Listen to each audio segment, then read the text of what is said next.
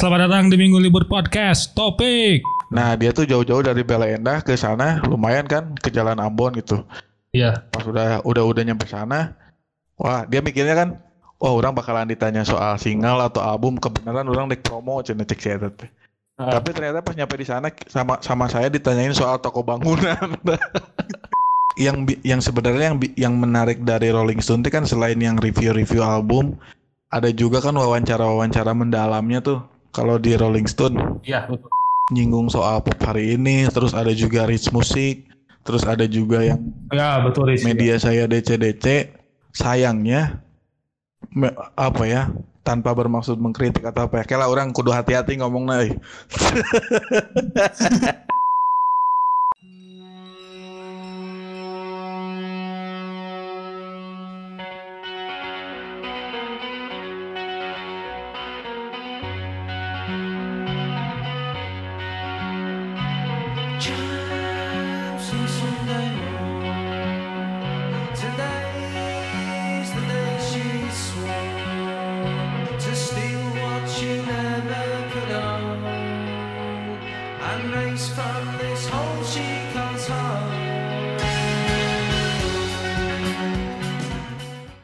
Iya teman-teman selamat datang di Minggu Libur Podcast Topics. Eh, ini to- Minggu Libur Podcast Topics pertama di tahun 2021 karena eh, nggak ada yang bisa di ini sih. Kemarin harusnya si Song from the Corner dan Agodi Club itu muncul di minggu pertama bulan Januari tapi eh, karena teknis yang cukup apa namanya yang agak cukup mengganggu jadi eh, saya geser anak-anak itu di bulan Februari mungkin bertemu. Nah, sekarang saya sudah bersama jurnalis musik yang cukup apa ya, saya agak merinding sih mendengar cerita-cerita soal beliau gitu ya, dari Ganjar gitu ya, dari tandem saya. Karena ketika Hmm. saya mendengarkan ini gitu ya, ketika saya mendengarkan ceritanya Ganjar tuh, wah ternyata ini agak cukup ngeri gitu ya soal eh, kalau ngomongin soal media musik sama beliau gitu dan saya agak cukup tertantang untuk Ah, agak merasa cukup tertantang untuk berbicara bersama beliau gitu ngobrol secara uh, di podcast berdua bersama beliau. Uh, ini dia teman-teman, please welcome Wengki Wiradi teman-teman. Yo yo, selamat malam. Apa ini sebutannya kalau buat minggu libur podcast? Ah, teman-teman minggu libur aja. Teman-teman. Teman-teman minggu libur tapi saya Ya. nggak pernah libur tuh. Iya karena rilisan kayaknya banyak banget ya, Mang. Way. Kalau sekarang lumayan nggak terlalu banyak sih kalau awal-awal pandemi justru banyak.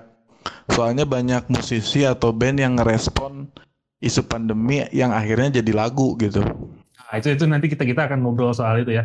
Tapi by the Oke, way, siap. uh, kita ngobrol dulu. Apa kabar, Mang? Hmm. Alhamdulillah ini lagi betah di rumah. eh. tadinya harusnya ya harusnya eh, kita bisa ngobrol berdua ya dengan online onlinean gitu Ah, ah, kantor. kira, ki- kirain teh nggak siaran di kantor. Tad- Oh, tadinya mau gitu. berangkat, cuman pulang Jumatan teh ke angin-angin jadi tunduh gitu.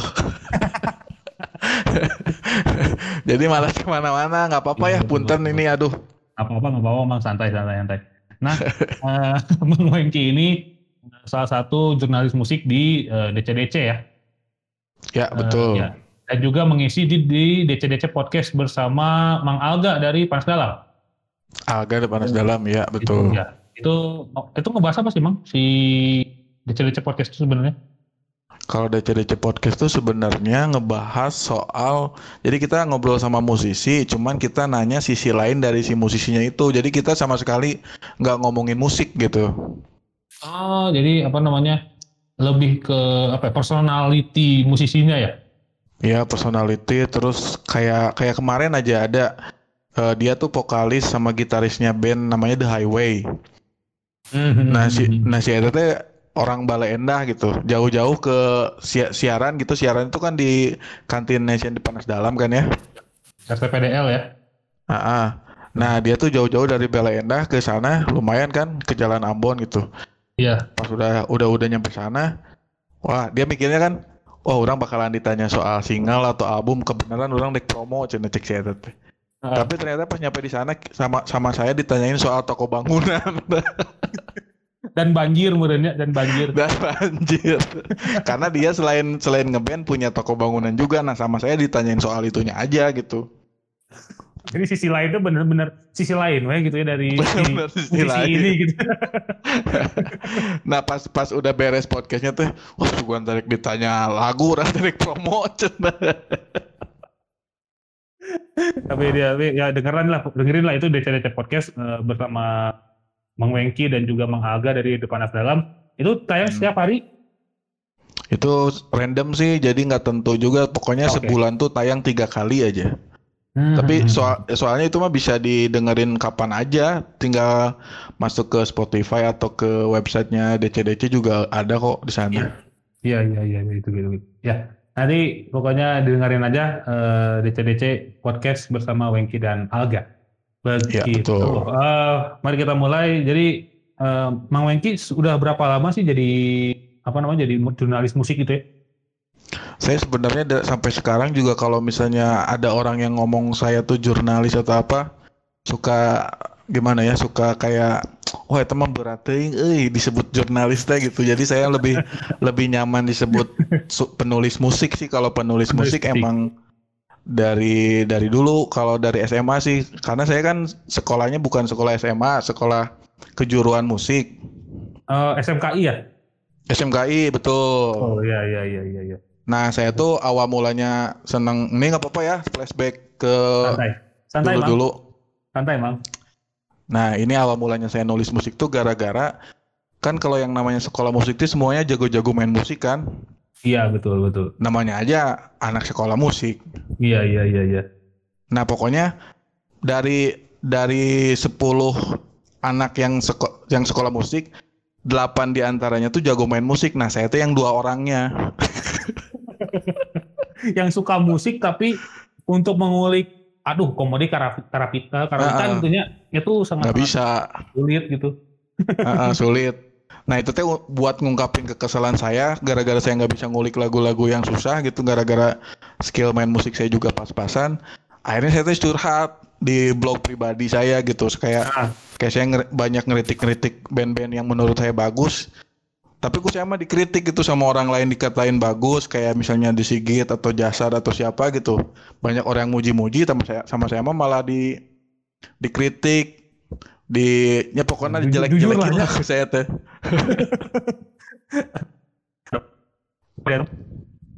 Terus sebenarnya review, review itu Soleh Solihun juga ya, Bang. Ya, eh, yang saya tahu gitu ya Eh, yang Soleh ya. Solihun juga Ah. seperti itu gitu Iya ternyata gara-gara saya banyak ngeritik band-band yang menurut orang lain bagus tuh ternyata blog saya tuh jadi rame gitu. Akhirnya saya teh diomongin gitu banyak yang nyariin juga. Saya sih ya Diomongin. ngeritik-ngeritik.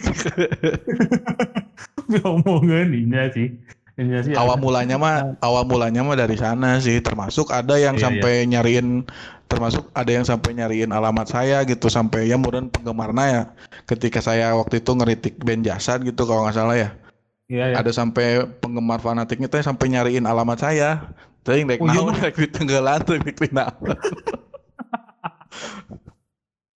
Wah, itu sih. Wah, itu ngeri sih. Ngeri sih guys, Mm-mm. ketika ketika kayak fans garis keras kenangan alamat sih itu waduh ya apakah hidupku akan berakhir di sini gitu. ya itu Tapi sih ya, awal bener. mulanya mah cuman apa eh ya ada plus minusnya plusnya sih. Ternyata ada orang media yang yang lawan namanya bahasa Sunda nama ngambe lah ngambe. Oh iya ayah sih. Hmm. iya ya sok nulis musik gitu blognya rame gitu. Mencium Nah, inilah ya mencium mencium, bahwa eh, ada wah ini ini ada satu eh, orang yang nulis musik nih terus tapi bandnya dijelek-jelekin dan hina-hina tuh itu sih da- daya tarik sih juga nah, itu. nah itu teh awal mulanya tahun 2000 tahun 2011 2011 ya ya ya ya. Mm-mm. Oke, ya oke. itu dari sana sampai sekarang lah 2011 sampai sekarang. sampai sekarang lumayan juga sih Iya, tapi nyak ya kayaknya lah tapi asli asli mah ketika orang mendengar ceritanya Ganjar terus eh, baca tulisannya Mang kita kayak wah bener Ma- waduh saya cuma bisa geleng-geleng yang saya podcaster saya podcaster musik yang cukup apa ya yang bilang ini karya bagus gitu bagus doang gitu. Belum ada menemukan celah untuk ngehina dan mengkritisi si karya ini tuh belum gitu. Dan Hmm. Mang Wengki sudah melakukannya dari 2011 sih eta wah. Hmm. itu sangat sangat apa ya wah ngeri lah pokoknya gitu. Dan apa Dan- ini nyambung ya ini nyambung ke tata cara eh, menjadi Hmm. apa ya jur, bukan jurnalis penulis musik yang eh, jujur itu kuncinya apa sih mang? Kuncinya mah apa ya? Karena soalnya saya emang bisa ngerasain banget gitu kalau misalnya dia tuh jiwanya tuh mellow gitu ya. Misalnya ada musisi kayak Elo tuh, maaf ini nggak apa-apa ya mention orang apa nggak boleh? Apa apa apa apa. Ini mau bebas. Semakin ter, sem- semakin banyak orang tersebut semakin naik podcast saya mang.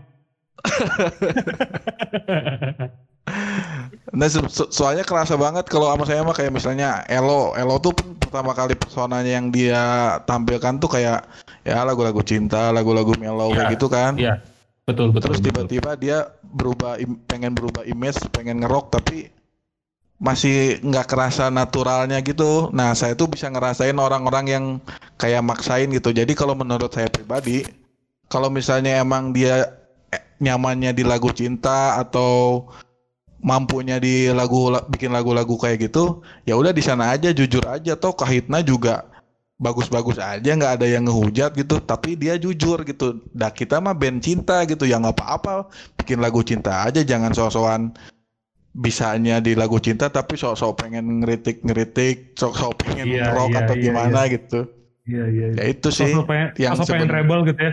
Sosok pengen rebel. kayak Iya, kayak iya. misalnya kayak misalnya band-band ujung berung kenapa band-band ujung berung rata-rata bawain lagu-lagu metal soalnya emang kehidupan di ujung berung noge keras gitu Hmm, hmm, mereka hmm, teh ada di tengah-tengah pasar berhadapan setiap hari sama preman-preman pasar dan mua mungkin oke barudak didinya bikin lagu-lagu mellow gitu Enggak sih. pasti Iya sih, secara iya. secara secara naturalnya teh ya pasti outputnya ke lagu-lagu ekstrim musik gitu emang Hmm. jujurnya mereka kayak gitu Iya ya. Jadi kayak apa ya? itu mungkin, sih eh, apa kejujuran teh eh, soal image teh ya udahlah kita terima aja gitu Im- mengembrace image teh sangat-sangat penting gitu ya.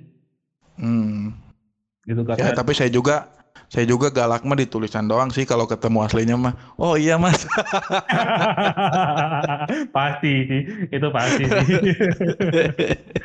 jadi jadi sebenarnya penulis penulis penulis juga mengenai kita punya dua kepribadian yang cukup ketika ditulisan teh, wah ini kok ketemu orangnya kayak apa ya gitu ya orang-orang sudah membayangkan, iya orang bakal dihujat, bakal di sepet dan segala macam ternyata ya ya mas ya mas aja tetap. Iya, ya makanya saya selalu memposisikan memposisikan diri itu ngeritik karyanya bukan ngeritik orangnya gitu. Kalau orang mah nggak ada no hard feeling aja gitu, udah nggak, udah saya nggak sebel sama siapa-siapa juga gitu. Cuman Iya, karyanya iya. menurut saya kurang masuk gitu, gitu Ah, aja sih. Oke oke oke oke. oke. Tapi ini asinan gimana ya menur- menurut orang gitu si eh, dunia musik teh gitu ya se apa ya se- sebegitu ekstrimnya gitu dan dunia, dunia jurnalis jurnalisme itu apa eh, yang terutama gitu. Ketika saya baca eh, Wendy Putranto gitu ya atau Soleh atau Mamang Soleh Solihun atau eh, yang lainnya gitu Mas Adib Hidayat atau itu yang banyak kayak gitu kayak kok orang-orang pada gampang ya dia ngeritik orang dan tahu telahnya di mana tuh sebenarnya tata caranya tuh gimana sih bang? Kalau menurut saya mah apa ya lebih ke kalau saya rata-rata kalau ngeritik tuh jarang ngeritik secara teknis gitu. Meskipun saya ada ada basic sekolah musik gitu. Cuman kalau misalnya menurut saya mah teknis tuh bukan jadi hal utama, tapi yang paling penting tuh esensi si lagunya, si lagunya tuh bisa menyampaikan sesuatu atau enggak. Nah, saya mah nyari celahnya tuh di sana aja gitu. Oke oke oke oke dan sejauh sepanjang 2020 ini eh Mhm. sejauh 2020 kemarin baru 2020 2020 kemarin itu Mhm. eh, musisi yang mendeliver karya paling oke tuh menurut Mang Wengki siapa? Yang paling oke. sepanjang 2020 ya? Baik. Banyak sih. Kalau kalau misalnya tiga besar menurut saya itu ada Manor House, White Chorus, sama Portrait. Portrait portrait itu ini ya eh, siapa tuh namanya Eh, Aulia Ramadan ya kalau salah. Iya itu penyiar Iya, saya iya, kebetulan. Itu juga teman apa teman sempat ketemu juga sama eh, Aul gitu sama Rama Hmm. bukan Aul ya Rama ya itu namanya Rama Rama Rama. di ya Rama itu di OS gitu ketemunya Rama Rama di OS. Soalnya kan se Hmm. band band yang saya manajerin si Posthuman itu kan sempat di OS tuh. Sempat di substereo gitu pas oh Hmm. ini nih Rama dan ternyata teman-teman eh, dekatnya teman saya juga gitu. Itu Porte itu ya cukup cukup asik ya 2020 ya. Asik sih menurut saya mah soalnya apa ya? Mungkin bisa subjektif juga ya. Soalnya saya sukanya emang lagu-lagu atau musik-musik kayak gitu-gitu yang ada jangli-jangli gitar terus indie pop indie pop gitu. Jadi ya mungkin secara subjektifnya senangnya yang kayak gitu. Kalau Oh, iya, misalnya iya. Manor House sama White Chorus sih lebih ke produksi rekamannya menurut saya paling bagus sih se- sepanjang Iya, apa sebanyak eh yang apa yang masuk ke redaksi DC-DC ya dua dua itu sih kalau menurut saya. Ini Manor House tuh eh, Manor House tuh ini ya apa namanya Eh, bandnya tuh Angsa dan Serigala kalau nggak salah. Dua orang kalau nggak salah Iya, iya, si iya, itu salah satu itu Esa sama siapa ya satu? Oh iya iya. Heeh. Iya kan itu itu eh, satu salah satu Esanya kan eh, manggung apa bersama Angsa dan Serigala juga. Iya iya. Iya iya iya. Hmm. Itu menurut orang ya Manor House dari zaman yang ini sih apa? Saya sempat coba juga itu Manor House yang sempat ada konsernya gitu ya, sebelum pandemi. Itu Hmm. pas saya dengerin wah anjir ini edan sih gitu bahwa kok bisa bisa bisa aja nih teknis rekaman mikirnya sejauh ini gitu dan memang harus Mm-mm. seperti itu kayaknya sih musisi gitu ya eh, sedikit sedikit banyaknya harus paham soal teknis rekaman sih dan Manor Ya. House dan Manor House kayak ngasih sebuah nih teknis rekaman bener tuh kayak gini nih waktu itu gila sih Hmm. Gitu. Ya soalnya kalau misalnya ngomongin teknis skill main musik gitu kayak misalnya udah-udah nggak zaman aja kayak bisa main gitar berulukan gitu. ya maksudnya tanpa ditunjang dengan produksi rekaman yang bagus mah ada perulukan kan naonan tuh gitu. Maksudnya tepat guna aja gitu. Maksudnya secara rekaman atau secara pemilihan instrumen atau apa gitu. Iya ya. Jadi ya kalau mau teknik apa teknis bermain mah ya udahlah jangan jangan mendahului Ezra Simanjuntak sama Pai Burman gitulah. ya Ezra Ezra Simanjuntak kan gitu mainnya kan shredder gitu. Pai juga sama aja atau siapa ya eh, Rama Satria gitu dengan ala Hendrix yang autentik gila-gilaan gitu udahlah mending eh, ya yang bisa kita ini cuma teknis rekamannya kalau oke ya tetap kita respect Hmm. juga gitu. Iya, Ya. tapi mereka juga pupurulukan juga maksudnya tetap iniin sound juga kan, nggak Iya, sampai gimana, nggak merhatiin gitu. Ya Mhm. merhatiin. Iya iya iya. Ya itu sih kalau ini mah. Kalau secara esensi lagu ada tuh solois dari Sukabumi namanya Obat Macan. Oh iya betul. Saya, saya sempat diceritakan sama Ganjar soal obat macan. Nah, kalau Itu- secara penulisan lirik lagu, saya sih paling suka itu sih Obat Macan. Berudakannya ini kan itu anak-anaknya Million ya kan? Iya, manajernya Joe Million si Malik. Oh itu manajer Joe Million. Itu Pak Pantos Mm. kenapa footage kenapa footage videonya kenapa story-nya Joe semua? oh manajernya Joe. Oh gitu. Itu teh dia tuh punya label. Label tuh mesin suara dia tuh nama Ya, labelnya betul, tuh. betul. Itu mesin suara tuh ya. ya. Mm-mm. Dan saya baru eh, tahu apa mesin suara itu punya eh, Malik itu pas mendengar obat macan. Oh iya. Pas mendengar obat macan. Oh ini punya mesin suara kan? Hmm. oh ini oh ya udah ada. Emang ngeri sih tapi tapi pas saya dengerin lagunya sangat-sangat simpel, sangat-sangat eh cuma gitar doang tapi delivernya wah kayak gini gitu sih liriknya gitu. Hmm. Gitu me- apa namanya? mendeskripsikan tahun tuh ih Iya. gitu ya gitu orang tuh gitu Jadi kan banyak tuh yang bikin lagu-lagu pandemi selama tahun 2020 kemarin. Ya. Lagu musisi atau band yang ngerespon isu pandemi. Nah menurut saya si Obat Macan tuh paling inilah paling mewakili banget gitu si Obat Macan sama Iga Masardi. Sisi hiburan ya? Ya krisis hiburan. Betul, betul, betul. Gua juga. Nah itu kan menarik juga tuh Iga yang biasanya Ya, ya, ya. main kompleks sama bara suara yang musiknya ya katakanlah kompleks ngejelimet lah gitu. Iya, iya betul, betul. Cuman pas dia bikin solo ya enteng aja gitu cuman gitar-gitaran tapi secara lirik ngena banget apalagi buat saya yang bapak-bapak baru gitu yang baru punya anak terus penghasilan pas-pasan wah bener bisa nih nu ditulis ke banyak, gitu. Cicilan banyak. Wah, rewel.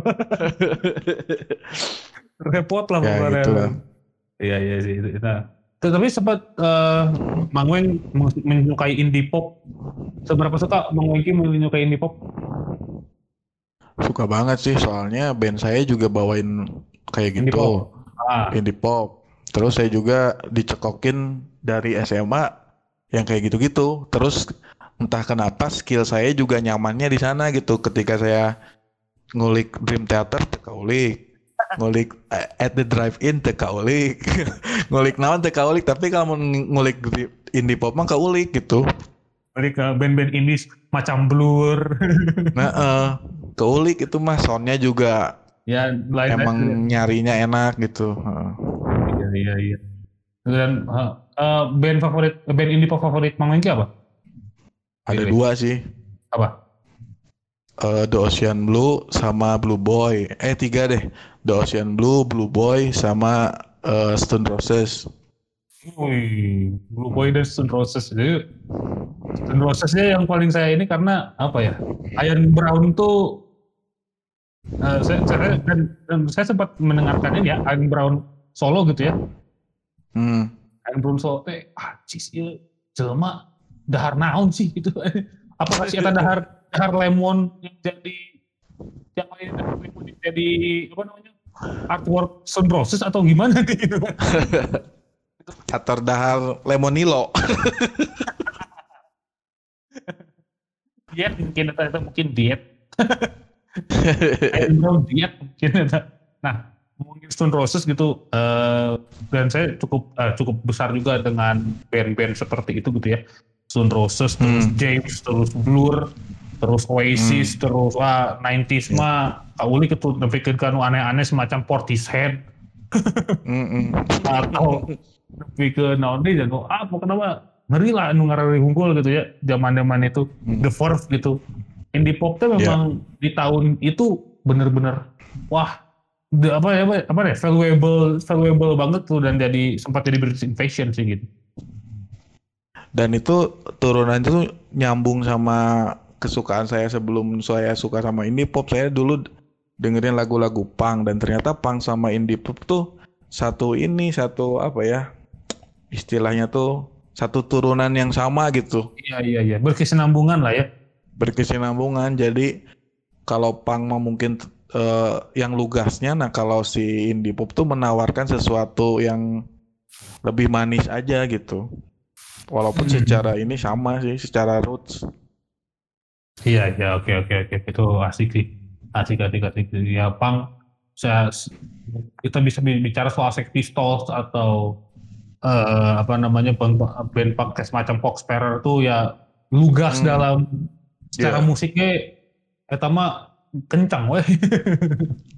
dan kayaknya Kayak kalau anak gitu. remaja mah kayaknya bakalan selalu relate dengan musik punk deh kalau misalnya Iya. anak SMP SMA karena emang secara pembawaan juga ngewakilin banget sih kalau menurut saya ya dan dan ini apa namanya dan punya apa ya punya fasenya masing-masing gitu ketika eh, anak SMA tahun segini tuh dengerinnya ya itu tadi Sex Pistols, Foxperer, Silver Church terus eh, dan segala rupanya terus pindah lagi ke apa namanya anak SMA yang 2000-an awal akan mendengarkan Blink One itu terus Hmm. yang lain punya punya apa namanya punya band punk tersendiri gitu setiap ya. masa muda mereka sih.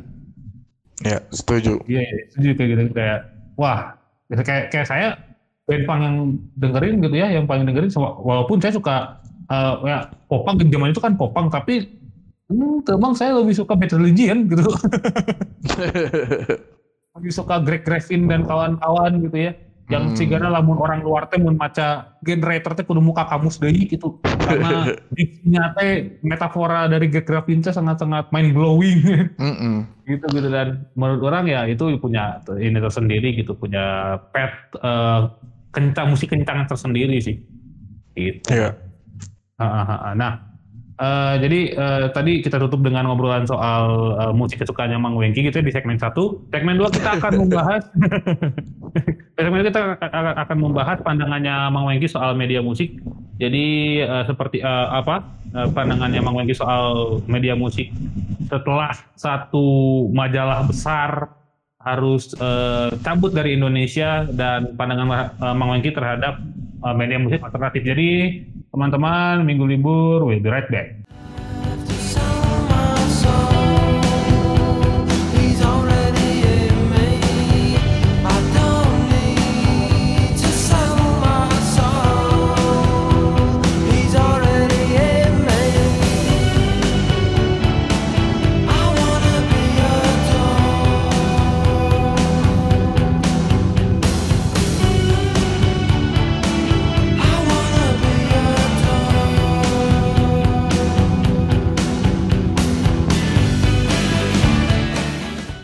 Kembali di Minggu Libur Podcast eh, Topics bersama Wengki Wiradi, Yo, teman-teman. gancang nih iklannya.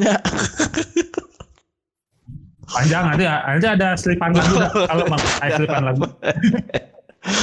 Ada selipan lagu kalau santai santai ada. Minggu libur pasti apa punya menemu, menemukan vibe tersendiri. Oke, usiana orang kayak potongan lagu Stone Roses Wah, siap. gitu. Nah, eh, segmen itu kita akan membahas eh, pandangannya Mang Wengki soal ini sih media musik setelah bubarnya eh, sempat saya singgung dari satu ma- majalah besar Hmm. bernama Rolling Stone Indonesia yang harus angkat kaki dari Indonesia karena apa ya lisensi kok? Iya, lisensi. Ya, li- lisensi. eh, setelah itu gimana menurut Mang Wengki soal media musik setelah kehilangan Rolling Stone Indonesia? Kalau menurut saya mah setelah kan yang yang sebenarnya yang yang menarik dari Rolling Stone itu kan selain yang review-review album, ada juga kan wawancara-wawancara mendalamnya tuh. Kalau di Rolling Stone, Iya, betul. Ah. kayak saya pernah baca tulisannya soalnya yang wawancara mendalam soal si Teenage Star yang sampai akhirnya Hmm, hmm, hmm. nge-trigger saya buat ngeband juga gitu si Teenage Star Wenu skill na pas-pasan bisa ngeband orang ge bisa lah gitu. Itu teh hanya dari wawancara itu bisa sampai nge-trigger orang buat ngeband gitu. Berarti kan emang si wawancaranya tuh ya berisi lah gitu. Jadi punya punya impact yang gede gitu buat si pembaca gitu. Hmm. Nah, ya, se- sebenarnya iya, yang iya. dikangenin dari media-media musik sekarang tuh yaitu eh, artikel-artikel fitur, artikel-artikel panjang soal soal band, wawancara mendalam atau apa gitu. Nah, karena sekarang kebanyakannya eh, majalah online gitu dan itu terbatas apa gaya bukan gaya apa ya kecenderungan orang baca juga nggak nggak nggak nggak kayak dulu gitu kalau sekarang cuman sa- Hmm. berapa page gitu satu satu baca dua page tuh orang udah males gitu baca tuh makanya kebanyakan jurnalis musik sekarang tuh jarang banget ada yang sampai nulis fitur kayak waktu zamannya Rolling Stone gitu Hmm, agak cukup apa ya paket lengkap dari eh, majalah musik tuh ya Rolling Stone bisa dibilang ya. ya bisa dibilang jadi apa ya barometer juga kali ya Iya betul betul betul betul. Dan kalau menurut eh, Mang Wengki gitu ya, Mhm. setelah itu eh, media musik eh, sekarang gitu ya yang, yang sekarang apa namanya Rolling Stone Indonesia tuh seperti apa sih? Mulai kan ada pop hari ini, Hmm. sport sekarang. Terus kalau di Instagram tuh saya baca ada bicara Ya. musik, ada bahas musik lah segala macam gitu. Menurut Nah, nah itu nyinggung soal pop hari ini, terus ada juga Rich Musik, terus ada juga yang Ya betul Riz. media saya DC-DC. Sayangnya me- apa ya? Tanpa bermaksud mengkritik atau apa ya. Kayak lah orang kudu hati-hati ngomong euy. Asli Mang, ini soalnya orang para mentor. Nah, kecenderungan media-media sekarang tuh ada ada kayak spesifikasinya gitu loh. Jadi kayak pop hari ini kayak Hmm. menyoroti soal musisi-musisi pop terus gitu. Kayak Rich Music juga cukup kental dengan musisi-musisi popang gitu atau atau musisi-musisi Ya. band-band punk, band-band emo atau kayak gitu-gitu. Jadi jarang ada yang sampai ngeblend semuanya gitu. Kayak misalnya, wah misalnya ada nih band band jazz dari Surabaya jarang banget kelihatan, tapi nggak masuk nih sama image si medianya gitu. Misalnya si Rich Music mau nggak sih eh, ngebahas soal band jazz dari yang kota entah berantah gitu. Wah, tapi di sini porsinya harus banyak pangnya euy atau gimana gitu. Nah, ada ada kecenderungan ke sana gitu kalau media-media hari ini tuh se- sepengetahuan saya ya. Jadi apa medianya apa ya? Tidak membanting image-nya eh, media itu sendiri sih. Bisa dibilang Itu mungkin bisa ya. dibilang kayak gitu, heeh. Cuman tetap dia kayak DC-DC aja. DC-DC juga setengah mati buat eh apa ya? Kayak balikin lagi persepsi orang kalau DC-DC tuh bukan cuma metal doang, tapi orang image-nya tuh kalau DC-DC tuh metal gitu karena ya beberapa event yang kita bikin juga rata-rata band-band metal gitu yang kita bikinin acara gitu. Nah makanya ada sempet ada band indie pop nyamperin saya, ah saya teh punya band indie pop gitu, bisa nggak submit di DC-DC? Oh bisa, itu mah. Oh kirain teh khusus khusus metal sih DC-DC enggak, DC-DC mah semua itu cuman ya emang image-nya orang oh iya mah media buat musik metal gitu gitu. Betul. Jadi kayak apa ya? Mungkin ya udah apa ya? Udah terlanjur bahwa ah Ima mungkin ngabasna ya humpul ya. Ah ngabasna itu aja nih Hmm. kayak mungkin mungkin seperti Iya itu ya. iya. si apa namanya yang jadi permasalahan eh, media musik saat ini tuh kayaknya mengkotak-kotakan lebih ya lebih Ada itu. ada kecenderungan kayak gitu ya. Ada kecenderungan kayak Iya, gitu. iya, iya. Iya sih. Nah itu apa ya? Jadi eh yang tadinya disatukan di mungkin Rolling Stone kan semua dibahas ya gitu ya. Mau eh, apa pun eh, musik apa pun, genre apa pun di satu media gitu. Sekarang mungkin medianya banyak tapi ada segmentasinya masing-masing. Nah, ya itu benar segmentasi itu kata ringkasnya. Iya, segmentasi gitu ya. Segmentasi. Oke. Nah, ini terus ini pandangan soal apa ya? Ini pandangan soal podcast gitu ya eh, dan media mus- musik alternatif lainnya. Mau Meki gimana? Ya bagus sih, kayak misalnya sekarang banyak band-band yang akhirnya tanpa si jurnalis eh, wawancara juga akhirnya dia eh, nyeritain sendiri gitu kayak misalnya si Seringai punya High Octane Rock gitu. Kayak dia nyeritain Iya. kayak dia nyeritain cerita-cerita di balik panggung si Seringai itu ngapain aja. Jadi kita tuh banyak dapetin informasi tanpa kita tanya terlebih dahulu gitu si si bandnya. Kalau misalnya sebelum-sebelumnya kan Hmm. kalau pengen nyari tahu oh ini gimana sih sisi lain si band ini kan kita harus nanya dulu kan ke si bandnya tapi ini mah tanpa kita tanya juga si bandnya udah nyeritain duluan dan udah lebih terbuka aja gitu. Nggak nggak yang apa ya gua tuh rockstar. Ada ada ada batasan sama Oh, enggak itu enggak enggak enggak eksklusif gitu. Itu sih menariknya. Iya, iya, iya, iya. Ah, ah, ah, ah, dan pas saya dengerin itu kayak eh, beberapa podcast musik gitu ya, beberapa podcast musik eh, kayak semacam High Octane gitu ya, terus eh, Rock Nation, Hmm. anak-anak Agordi Club, Hmm. terus juga ada si ini apa eh eh, Noise War FM yang dibikin sama Anggun Priambodo Hmm. tuh dari Ban Dempo Hmm. itu pas dengerin gitu kayak wah ini memang eh, apa namanya terobosan baru sih gitu jadi ada media promosi lain itu selain radio gitu ya selain TV gitu dan podcast kayaknya udah menurut Mang Wangki gimana sudah cukup mumpunikah untuk menjadi ajang promosi seorang musisi Ya mungkin dengan apa ya pola orang sekarang yang kebanyakan mager kali ya, mager. Pokoknya dengan cuman cukup dengerin podcast, cuman browsing-browsing gitu, udah dapetin apa yang dia cari ya bisa sih podcast gitu. Soalnya si DC-DC podcast juga apa ya, mereka tuh orang yang dengerin DC-DC podcast tuh nyari nyari sisi lain dari idolanya tuh apa gitu. Jadi kayak misalnya kemarin Harlan Bur baru-baru nyeritain baru tahu kalau misalnya si Harlan Burto ternyata pernah kerja di agensi periklanan. Terus dia pernah jadi ngedirect buat iklan di radio. Nah kayak gitu-gitu kan sebenarnya jadi satu ajang apa ya istilahnya ya selain buat promo gitu ya selain buat promo si lagunya atau apanya gitu bisa juga si si penggemar atau si pendengar tuh jadi tahu sisi lain si musisi yang tadinya biasa aja gitu akhirnya jadi oh ternyata si ini tuh menarik juga ya punya perspektif menarik juga si musisi ini tuh nggak nggak cuman lagu-lagunya aja yang bagus. Ternyata Iya, eh eh, referensinya juga menarik perspektif dia untuk menyikapi satu masalah tuh menarik gitu. Jadi akhirnya kita kan jadi tahu kayak misalnya kita dengerin lagu efek rumah kaca deh. Kayak misalnya kita dengerin lagu sebelah mata. Nah itu tuh kan punya latar belakang eh, punya latar belakang lagu yang cukup dalam lah gitu ya Iya, nah iya, kalau hal-hal kayak gitu akhirnya jadi diulik gitu, itu teh bakalan jadi poin plus aja menurut saya mah gitu. Jadi kayak oh kita tuh tahu kenapa si band ini arahnya ke sini karena inputnya begini. Kita tahu si bara suara outputnya ke sini karena input inputnya begini gitu.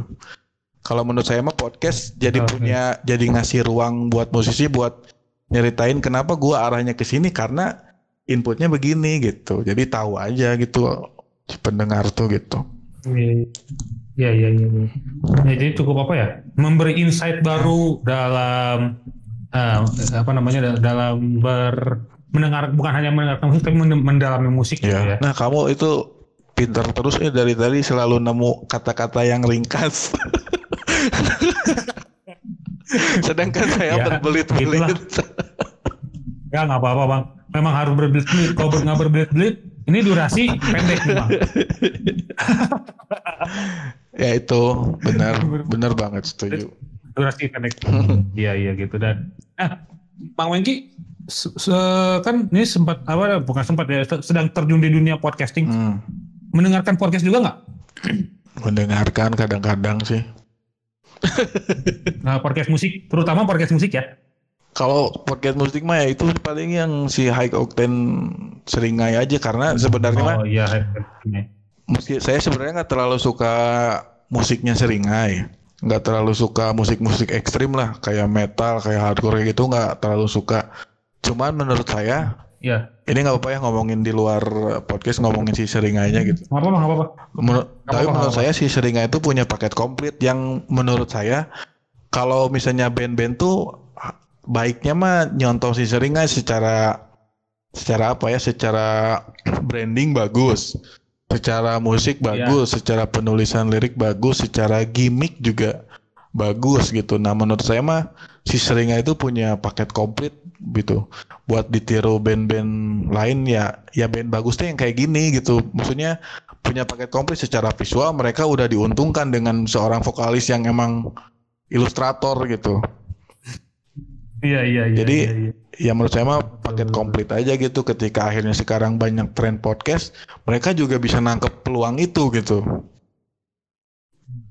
ya, ya seperti yang kita tahu Semi Bramantio selaku basis juga dia Iya. punya radio juga gitu dulunya. Iya, iya, iya, iya. iya. Iya sih, itu itu itu agak ya benar-benar edan sih secara konseptual gitu ya. Mm.